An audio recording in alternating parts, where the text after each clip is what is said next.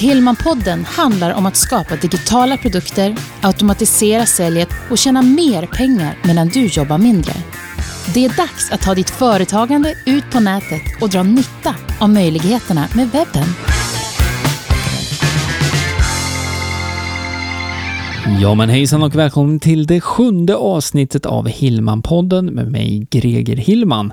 Det här är alltså en podcast som handlar om att bygga och driva och också utveckla företagande med hjälp av internet. Det här är någonting som jag brinner för och som jag jobbar med dagligen. Jag tycker det är väldigt roligt för det finns så många möjligheter. Och idag så ska vi prata om en sån stor möjlighet faktiskt. Det handlar om sökmotoroptimering. Det här är någonting som jag totalt skulle kunna nörda ut på i flera timmar. Men jag ska försöka att hålla formatet kring en halvtimme ungefär i alla fall. Och, och eh, det jag kommer att prata om i det här avsnittet har mycket med grundläggande sökmotoroptimering att göra. Det här är någonting som jag jobbar med också eh, ganska mycket. Jag hjälper företagen med det här också. Men inför det här avsnittet så gjorde jag faktiskt ett par saker. Eh, dels så gick jag ut i sociala medier och frågade er eh, som lyssnar. Vad vill, vad vill du veta helt enkelt om sökmotoroptimering?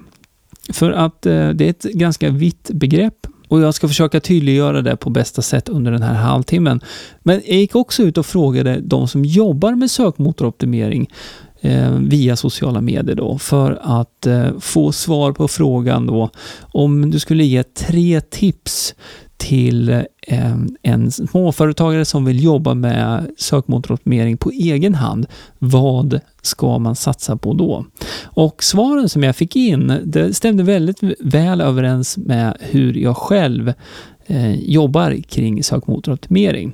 Eh, så jag vill passa på att tacka alla som eh, både svarade på mina frågor om vad man vill lära sig, men också er som, ni som jobbar med det här på heltid. Och ehm, väldigt intressant att att få höra era svar och också så knöt jag några nya kontakter där också, så det är jätteroligt.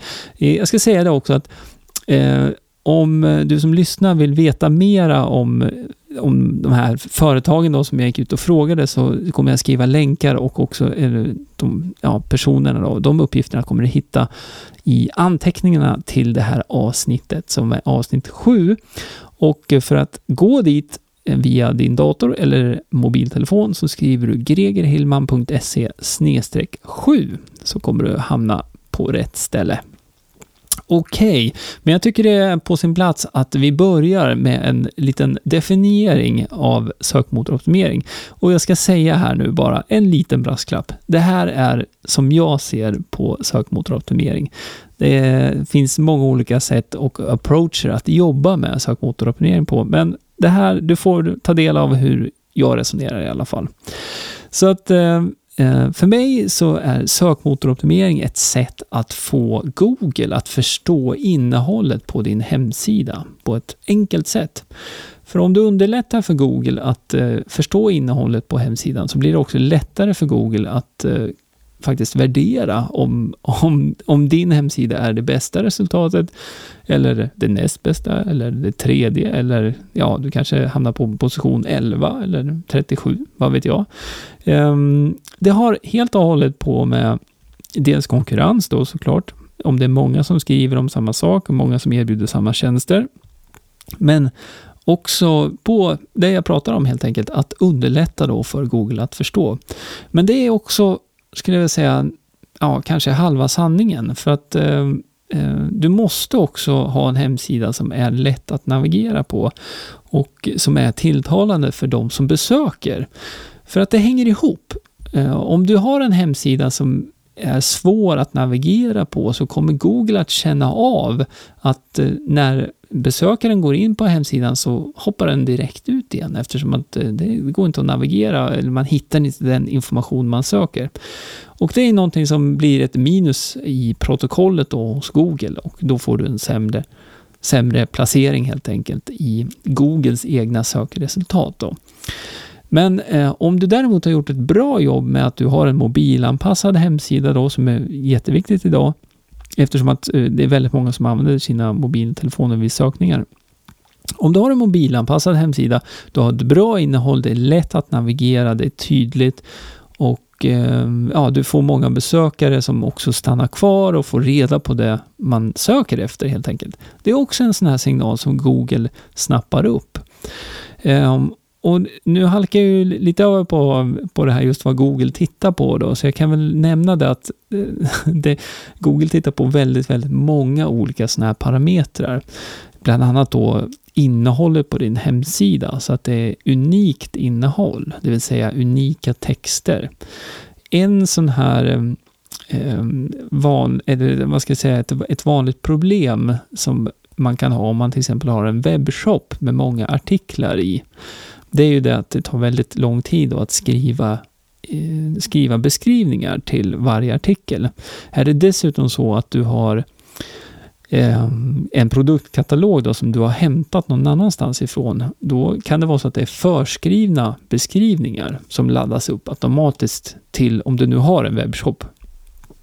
Och problemet med det är att eh, då är det troligtvis så att även eh, flera andra webbshoppar har precis samma beskrivningar eftersom att det var det som följde med. Då kommer man in på något som heter duplicerat innehåll, vilket Google inte alls gillar då. Så att eh, unika texter är någonting som är, är viktigt att ha. Google tittar också på hur snabbt din hemsida laddar då. Speciellt när det gäller då mobilanvändare så tålamodet är väldigt, väldigt kort och din hemsida måste ladda snabbt.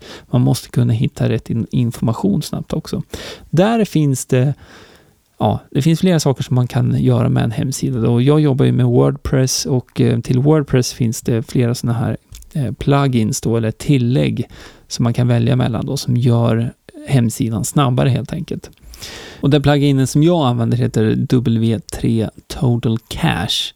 Så det är någonting som det kan du hitta direkt via din Wordpress-installation om du går till tillägg och så klickar du på lägg till ett nytt så kan du söka efter det där. Men eh, det fungerar bra faktiskt för att snabba upp hemsidan. För att prata lite mer om vad du eh, faktiskt kan göra då när du sökmotoroptimerar. För det första då, vad är det du ska sökmotoroptimera? Det är väldigt bra att ta reda på det innan. Låt säga att du ska skriva en artikel då som har med katter att göra. Ja, det kanske har till och med med kattburar att göra. Ja, då skulle vi kunna ta det som exempel då, att kattburar, det är det som är nyckelordet, alltså det är det du vill optimera för. Så när du skriver texten, alltså gör innehållet till den här sidan då, så ska du ha med i baktanken då att kattburar ska då finnas med både i rubriken och i brödtexten då på lite olika sätt. Det här är, någonting som, jag gjorde en kort video faktiskt, eh, som, eller ja, den blev några minuter lång, men där jag går igenom hur du med hjälp av ett plugin då eh, till din Wordpress-installation kan få hjälp med sökmotoroptimeringen. Det är ett plugin som heter SEO by Yoast och med hjälp av det eh, tillägget då, eller plugin, så får du guidning i vad du har gjort rätt och vad du behöver göra för förändringar då för att sökmotoroptimera ett inlägg då. Och, eh, men som sagt, du måste ju veta vad det är du ska sökmotoroptimera för. Så är det nu kattburar eller eh, någonting annat så, så, så ska du ha det klart för dig egentligen innan du ens börjar skriva då. Eh, men för att nämna lite bara kring upplägget då eh, och strukturen kring hur du ska lägga upp en sån här artikel då, eller en, en sida på din hemsida. Så ska du ju ha med nyckelordet då, eller nyckelfrasen ska finnas med då i rubriken. Det är det första. Sen så ska du också ha med det i den här brödtexten då som jag har nämnt. Men eh, man ska inte ha med det för många gånger. Det, det som är så bra med SEO by Yoast är att eh, det, säger, det säger till om du har med det för mycket då. Sen kan du också tänka på olika sätt att säga samma sak. Och eh, med det så menar jag då om du har ett, eh, har ett nyckelord eller en nyckelfråga som är kattburar då, så skulle du kunna skriva eh, eh, någonting i stil med att eh, vid transport av katt katter, ja, det, nu, nu lät det väldigt yxigt, men du förstår principen. När man ska flytta en katt, eh, när du ska ut och resa, så kanske man har en sån här kattbur då. Men eh, då kan det ju vara att resa med katter till exempel. Det är någonting som ändå relaterar till den här kattburen på ett eller annat sätt. Eh, Sådana saker är, är jättebra att få med i, i den här unika texten då som du har. För att gå vidare med bilder då, som du absolut ska se till att ha på, på din sida också, så finns det tre saker där som du ska tänka på. Den första är filstorleken. Så att du inte har en bild som är större i filstorlek än vad som behövs. Man kan optimera bilder för webb, vilket jag alltid gör och ser till att eh, jag vill helst inte ha bilder som är större än 100k eh, och, eh, eller 100 bytes då. Eh, vilket är litet och det är bra eftersom att då laddar bilden och hemsidan snabbare. Jätteviktigt om man eh, liksom relaterar tillbaka till det jag pratade om med mobila hemsidor och sådär. Det måste gå fort. Det finns ett litet knep som du kan testa. Om du har en bild på din första sida idag så kan du se hur stor den är då när, när när du ser den på hemsidan. Om du högerklickar på den bilden och så öppnar du den i ett eget fönster. Är det nu så att bilden är betydligt större när du öppnar den i ett eget fönster, då är, eh, då är, då är bilden i sig för stor. Så där skulle, den skulle du kunna optimera då. Och då förminskar man ju den, dels bilden och det kan man göra indirekt inne i Wordpress om du inte använder Photoshop eller eh, något, något annat sånt här program. Då. Det är den ena grejen, så då kan du minska den rent eh, storleksmässigt på skärmen, om man säger då. Och det kommer också att minska filstorleken till viss del. Men man kan också optimera, eh, nu pratar jag om filstorleken då, filstorleken kan man minska utan att det påverkar kvaliteten på bilden som man ser. Och det är ju någonting som gynnar hastigheten framförallt på din hemsida då, eftersom att filen är mindre och det går snabbare att läsa in bilden. Så eh, det är en sån här sak. Det är den första, första saken då egentligen, att se till att bilden eh, inte är, har större storlek än vad som behövs. Den andra saken som du ska tänka på, det är namnet som bilden har. Om du tar eh, ett kort med en digital kamera så får den ofta då namnet IMG understreck och sen så tre, fyra eller fem siffror då. Och eh, det är ju bara ett, ett, katalognummer. Det säger ju ingenting om bilden i sig. Det du kan göra då, det är att när du har optimerat den här bilden då, så gjort den helst under 100K, så kan du ändra namn om du inte har gjort det innan då. Ändrar du namn på fil, filen, alltså, så filnamnet blir någonting annat. Är det nu så att det är, handlar om kattburar, då eh, är det jättebra att det heter, filen heter någonting med kattburar då. Det är den, e, eh, den andra saken egentligen då. Så nu har vi gått igenom eh, storleken på bilden och också namnet på själva filen då, på den här bilden. Den tredje saken, det är det som heter eh, alt-text då, eller alt-attribut. Och det är en, en eh, finns en möjlighet ett, inne i Wordpress för varje sån här bild och så kan man skriva en beskrivning om vad är det som finns på den här bilden egentligen. Google kan inte läsa av hur, vad det är på en bild. Eh, inte ännu i alla fall.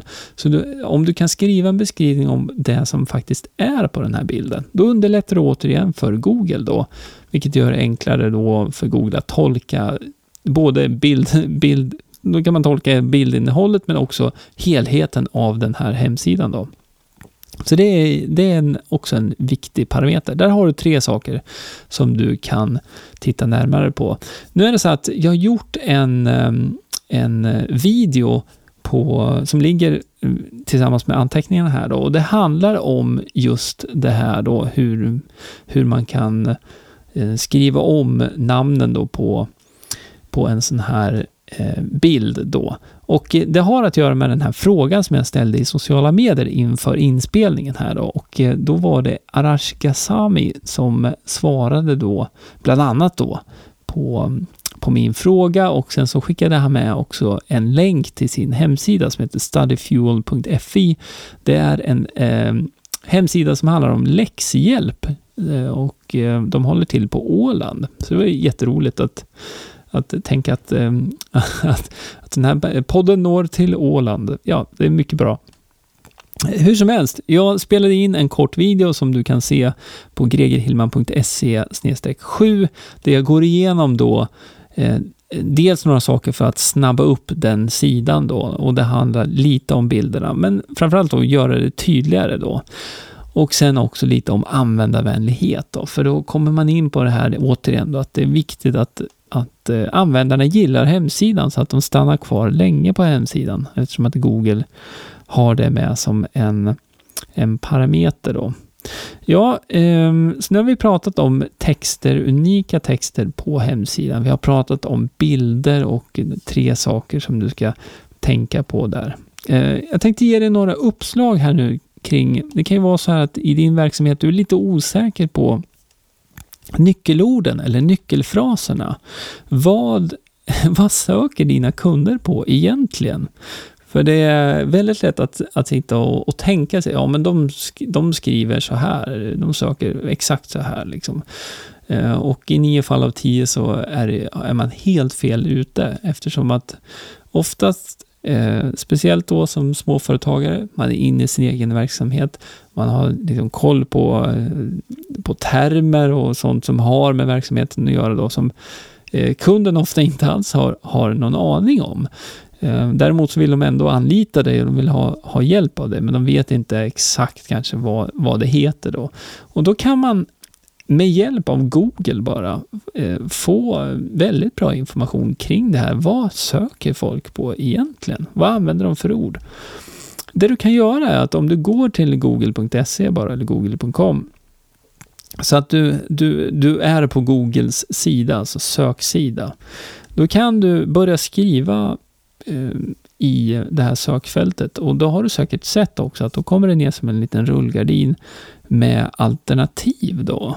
Så att eh, om du till exempel skulle skriva in digital marknadsföring, när du börjar skriva det så kommer det att komma alternativ och olika kombinationer och sådär. Och det är ju olika kombinationer som eh, personer faktiskt skriver in då.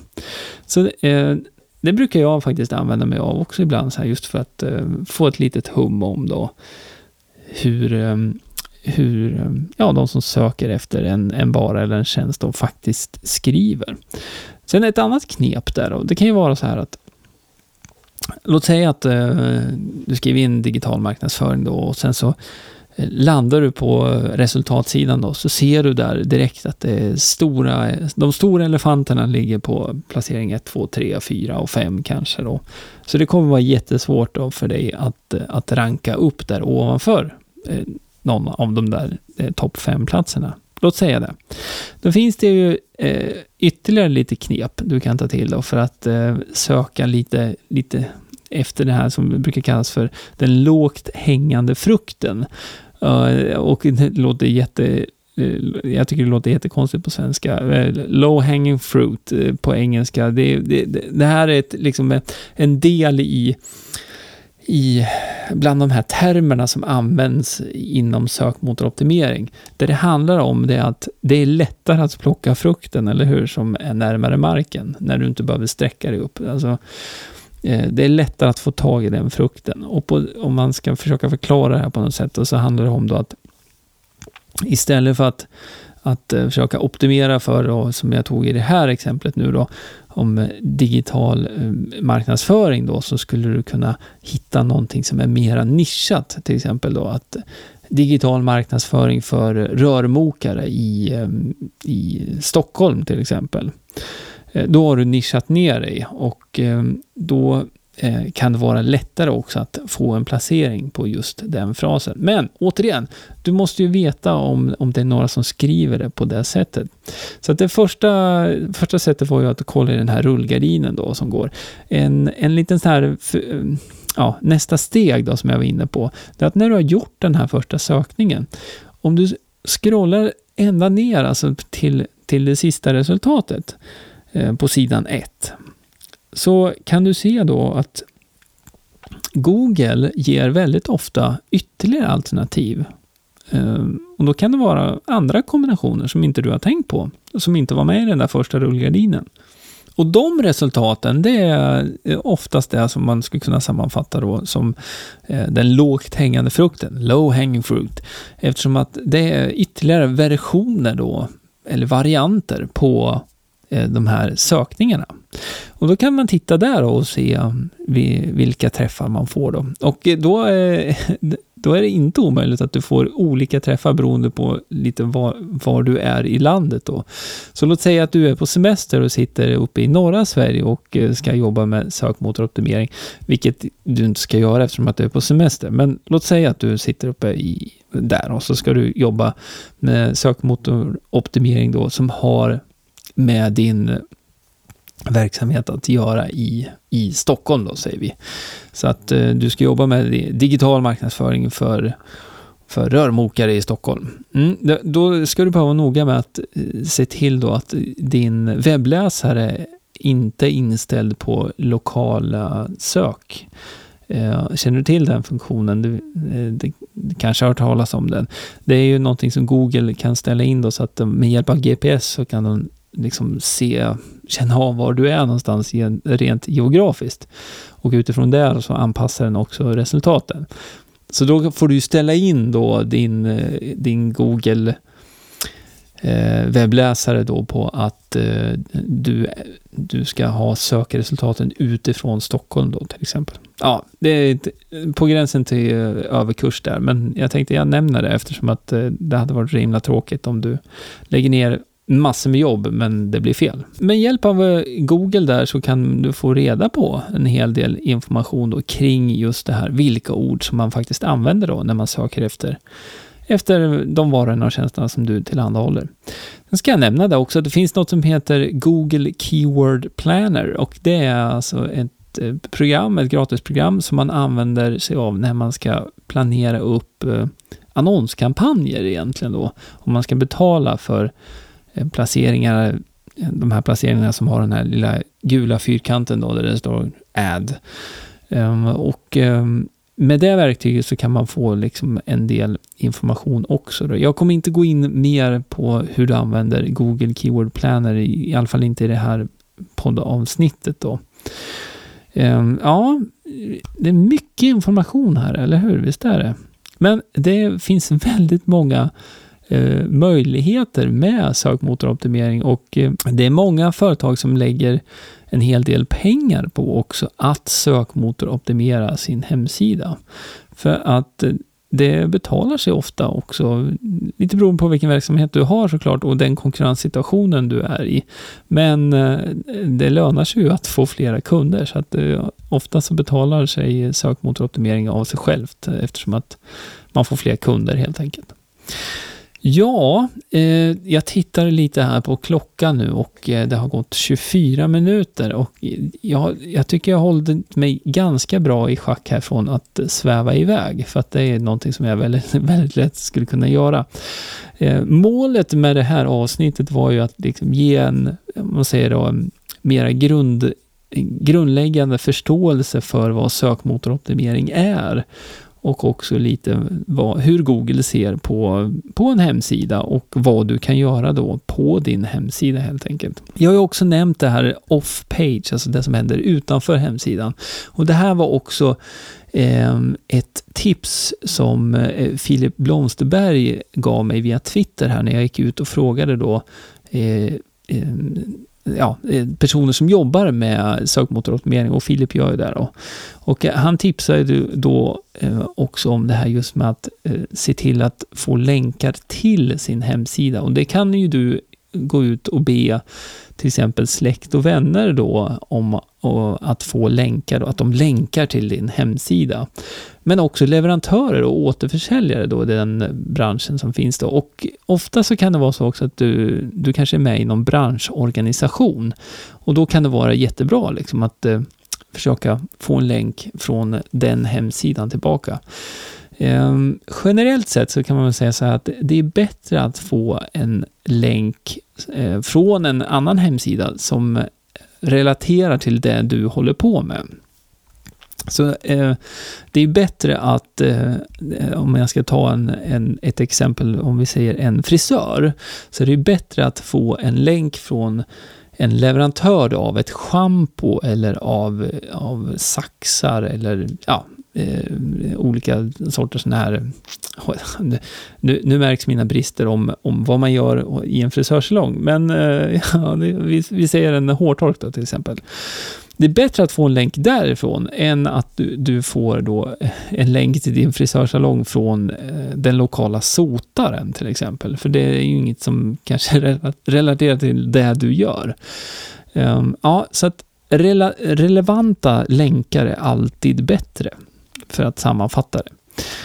Innan jag avrundar det här avsnittet så skulle jag vilja besvara en av de frågorna som jag fick i sociala medier då kring sökmotoroptimering. Nu är det så här, jag har ju redan berättat att, att jag jobbar med det här, jag hjälper företag Eh, att eh, sökmotoroptimera också, men det är inte det jag gör på heltid. Så det var därför jag också var noga med att säga i början att jag, det finns ju de som jobbar med det här på heltid. Då. Men jag ska ge tipset som jag har då kring den här frågan. Men vi får väl börja med frågan i alla fall tycker jag. Det här är en fråga som kommer från Sofia Brolin som undrar då som följer. Om man har jobbat upp en bra SEO redan för sin sida då och sen så får man för sig att till exempel flytta sin webbshop då eller sin hemsida till en annan plattform. Hur påverkas då sökmotoroptimeringen som redan är gjord och tar det lång tid att återhämta sig efter en sån här flytt om man gör det då. Och sen då eh, en viktig följdfråga då, behöver man göra någonting särskilt för att inte tappa eh, den här kraften då, eller det här värdet som man har byggt upp. Eh, och det behöver man göra. Det, det du behöver göra allra först, det är att ta reda på vilka sidor på din hemsida som har ett lite högre värde. Och ett sätt att göra det på, det är att använda sig av någonting som heter eh, Open Site Explorer. Open Site Explorer är ett verktyg som eh, ett företag som heter MOZ, eh, M-O-Z, Eh, har tagit fram. Då. De, jobbar, de har många olika sådana här programvaror. Och du kan, du kan testa det här helt gratis. Du behöver inte betala för att använda det i, i liksom så här bas, eh, för att göra bassökningar, då, eller vad man ska säga. Då. Så att jag gör så här, att, eh, för jag har en direktlänk till det här verktyget. Så jag lägger den länken i anteckningar till det här avsnittet så kan du gå dit och prova det. Och sättet som man använder det här på, då, det, man får, det ser väldigt likt ut om man säger Googles när man gör en sökning. Då. Men istället för att göra en sökning så skriver du in din webbadress. Och sen så får eh, Open Site Explorer jobba igenom din hemsida och då kommer du få upp eh, lite värden då kring värde, ja, som, som Open Site Explorer räknar ut, då, värdet på din hemsida. Om man tittar där till vänster, jag ska, jag ska, inte gå igenom det här så detaljerat, jag vill bara nämna det här. Så det finns en knapp där som heter Top Pages och det är den som är viktig att, att, att hitta och trycka på. Och det som händer då, eh, då, då går eh, Open Site Explorer igenom hemsidan igen och rankar upp då de sidorna som har högsta värdet på din hemsida då, eller den hemsidan du jobbar med.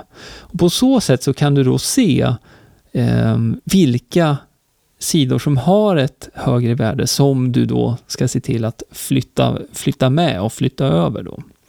Så att det, det där var det första steget. Du måste ta reda på vilka av sidorna då som, som har ett värde. För det, jag menar, har du en webbshop till exempel med 200 artiklar så kommer många av de här sidorna inte ha något, inom citationstecken något speciellt värde, utan de är bara en del i, i, i, i hemsidan. Liksom.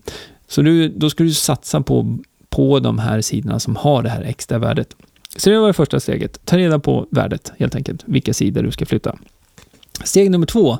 Eh, om du jobbar i Wordpress, eh, som jag gör, då eh, kan du lägga till ett tillägg som heter Redirect. Det finns flera olika versioner på det här tillägget. Då, och, och, eh, ja, så du tar ett av dem som heter Redirect helt enkelt.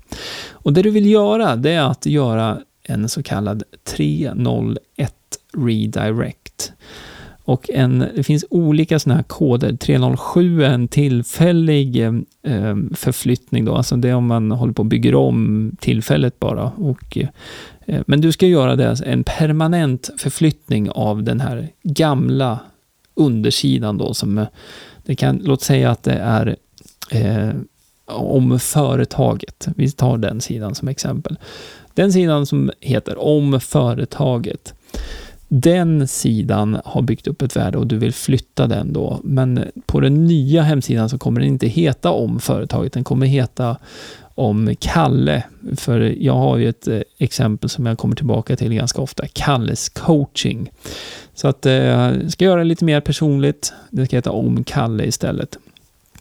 Eh, på den gamla sidan då så har om företaget byggt upp ett värde redan. Du vill flytta över det då och då gör du det med det här verktyget, då, eller den här tillägget som heter Redirect. Och i det här pluginet så går du in och skriver då den gamla webbadressen som eh, var då om eh, företaget helt enkelt. Om bindstreck företaget antagligen. Och sen så säger du till vart ska man hamna då istället? Jo, men det, nu är det istället då om bindestreck Kalle. Eh, för det är det som är den nya sidan som berättar om ditt företag. Och eh, på så sätt då så eh, berättar du för Google då att eh, ja, den här sidan har flyttat. Den har flyttat permanent så att eh, all den här, den här, det här förtroendet som, som finns för den här undersidan nu, det har flyttat med till den här nya, eh, nya adressen helt enkelt. Så att eh, jag hoppas att det besvarade din fråga ordentligt Sofia. Det är en del att tänka på, men det är helt klart värt det eftersom att alternativet är annars att man börjar om från noll. Det vill säga att Eh, det blir som en ny, ny sajt och du, du, all den, den här, liksom, det som du redan har byggt upp, det, det går till spillo och så får du börja om från början. Som jag nämnde, jag har hjälpt eh, en hel del eh, lokala företagare, framför allt då liksom med deras hemsidor och då kan de ju haft en gammal då som som har byggt upp den här liksom, grundvärdet i. Då. Men med hjälp av optimering och med hjälp av sån här 301 redirect och så kan man styra om den kraften då till en, en ny sajt, alltså en ny, ja, ny sida då, som också är optimerad. Då.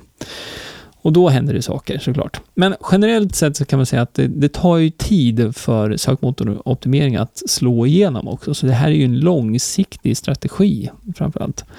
Om du verkar lokalt med ditt företag så kan det vara så att eh, det, kan gå lite snabbare också, för det hänger ihop med vilken eh, konkurrens man har då i, i, i respektive bransch. Till exempel frisörer är ju ett sånt här yrke som det finns eh, ofta väldigt många frisörer i, i i städer och sådär och kring städer och då kan det vara lite svårare, det tar lite längre tid och sådär som, som exempel då.